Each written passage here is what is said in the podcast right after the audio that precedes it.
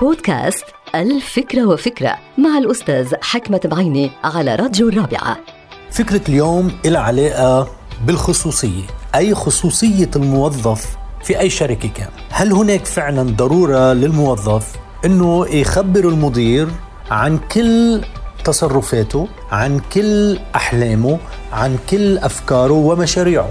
طبعا فيما يتعلق بالقضايا المهنية اللي عم يشتغل فيها. مثلا إذا كان الموظف عم بيدرس خارج إطار العمل أو عنده عمل في المساء مثلا لحتى يدعم وضعه كإنسان عنده عائلة بده يعيل عائلته أو بده يزيد من نسبة مدخوله الشهري. هل هناك واجب على هذا الموظف أن يخبر المدير أنه هو عم بيدرس برا أو عم بيشتغل شوي برا؟ أو هو عنده مشاريع للتطوير أو لازم يحتفظ بهذه الأسرار لأنه هذه أسرار صحيح مهنية ولكن أيضا شخصية. هناك خط فاصل ما بين الخصوصية وما بين الصراحة في العمل.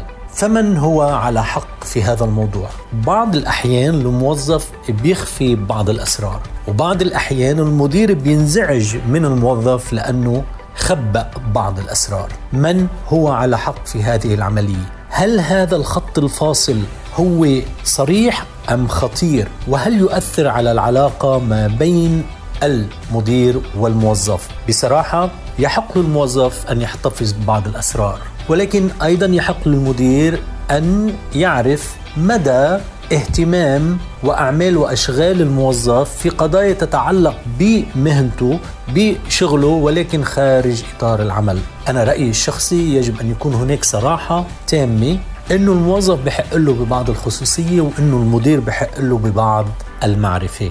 انتهت الفكرة. هذه الحلقة مقتبسة من كتاب الفكرة وفكرة